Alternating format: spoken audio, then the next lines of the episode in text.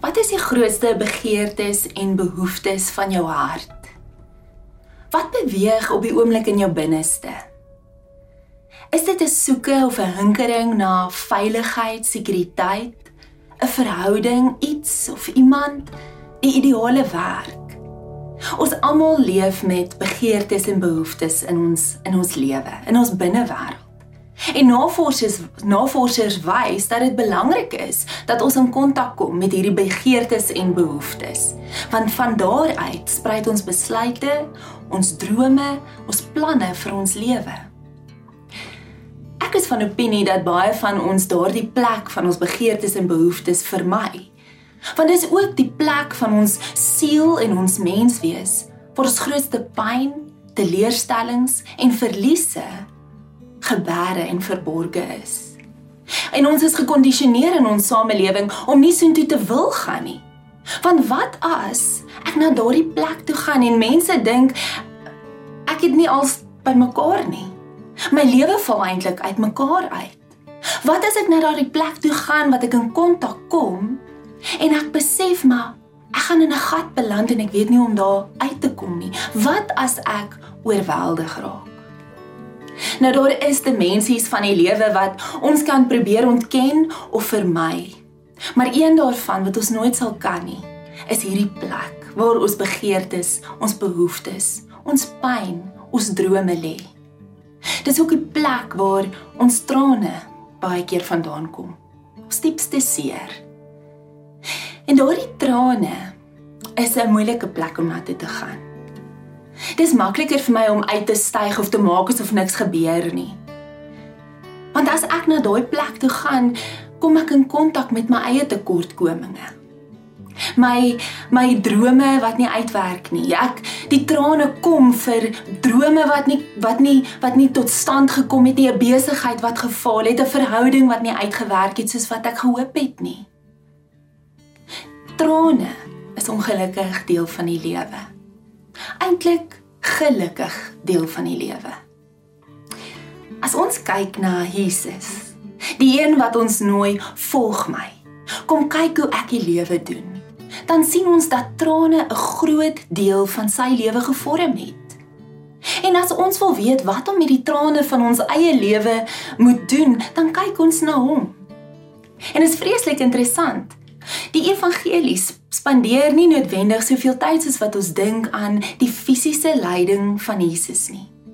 As jy byvoorbeeld die evangelie van Markus vat, sal jy sien dat hy nie baie beskrywend is oor die kruisiging self, die spykers, die sweepslaan nie.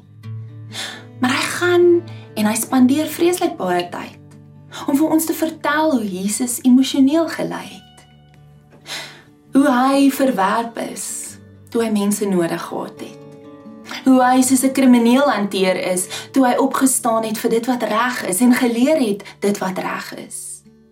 Hoe hy vertroue in mense geplaas het wat daarvoor moes wees, maar eintlik by ou end alleen dood gegaan het. Jesus is bekend met trane.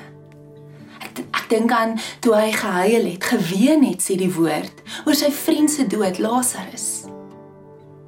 Nou vier uitnodigings uit die lewe van Jesus wat ek dink ons kan help met die trane, met die begeertes, met die behoeftes, met die teleurstellings van ons eie lewe. In die eerste plek, erken. Erken jou omstandighede, erken die trane waarmee jy leef. Ons samelewing leer ons jy moet uitstyg bo jou omstandighede. Ontken dit. Maak asof dit nie bestaan nie. Cope, fake it till you make it. Maar dis nie die pad wat Jesus gestap het nie. Hy het die trane erken. Hy het die omstandighede wat pyn en lyding emosioneel vir hom veroorsaak het, erken. Hy het dit gevoel. Dis die tweede ding, voel die trane. Hy het geween by Lazarus se graf. Hy het hy het groot emosies in die tuin van Getsemane ervaar. Hy het gevoel hoe dit voel om God verlate te wees toe hy roep op die kruis: "My God, my God, waarom het U my verlaat?" Hy voel, voel jou trane. Die derde ding is dat hy dit verbaliseer. En dat hy ons nooi om ons trane te verbaliseer, om met God daaroor te praat. Onthou jy die Emmausgangers na die opstanding van Jesus? Hulle weet nie hy het opgestaan nie. Hulle is op pad Emmaus toe wat soos 'n spa was in daai tyd. Hulle ontvlug die realiteit dat hulle redder nou net gekruisig is. En op die pad ontmoet hulle iemand. Hulle herken hom nie, dis Jesus. Jesus vra vir hulle: "Hoekom is julle so bedroef?" Hulle gaan dadelik in hulle default antwoord: "Het jy nou nie gehoor nie? Ons doen dit baie, nie? Het jy nie gehoor van alles wat verkeerd gaan nie? Hoe kan jy my dit vra?" En Jesus nie een keer probeer vir hulle sê, "Ag moenie worry nie, alles gaan oukei okay wees nie." Hy sê, "Nee. Vertel my." Nou in my eie lewe het ek baie keer gevoel ek kan nie vir God verwoord nie. Hy is mos God, hy weet alles. Joe, maar iets het in my geskuif toe ek eendag besef, hoe sou dit wees as ek vir Jesus kon sien? En hy sit hier langs my. En hy wat God is, neem die tyd neem die die teenwoordigheid in om teenwoordig te wees vir my pyn en vir my te vra of te sê vertel my van jou trane. Vertel vir my wat aangaan. En daar het 'n groot wêreld vir my oopgegaan om om my trane te verwoord, te verbaliseer aan God. Vir sommige van ons is ons nie goed met woorde nie. Dan sal ek vir jou sê die psalms is 'n wonderlike wonderlike ehm um, tool, gewoonte, praktyk wat jy in jou lewe kan gebruik. Gaan deur die psalms. Dawid het elke emosie onder die son vasgepen in gebede, gedigte. En dit kan jou dalk help om te verwoord maar wat is dit in my wat nou beweeg? Wat is dit wat ek God wil van, van vertel? Die laaste uitnodiging is om te vertrou. Romeine 8 vers 17 sê ons heil nie soos die wat nie hoop het nie. Ons het hoop. Ons kan vertrou. Jesus het vertrou op sy Vader in daardie laaste ure van sy lewe. Al het hy uitgeroep, "My God, my God." Al het hy gevoel kan hierdie beker net verby my gaan, het hy vertrou op die wil van sy Vader. En ons kan vertrou.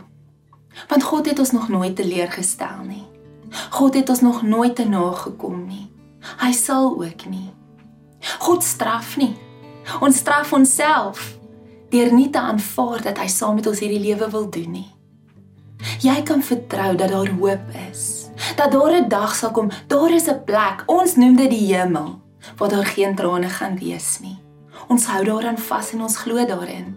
Dis 'n plek wat God vir ons het. Ons kan dit nou al in ons lewe innooi. Jesus wat sê laat die koninkryk kom, soos in die hemel, so ook op die aarde. Wanneer hy in Matteus 5 sê salig is die wat treur, gelukkig is die een wat in kontak kom met sy trane, wanneer jy jou trane kan aanvaar en ontvang, dit voel, dit verbaliseer, kan jy met vertroue weet dat daar 'n lewe van geluk, van saligheid vir jou sal oopgaan.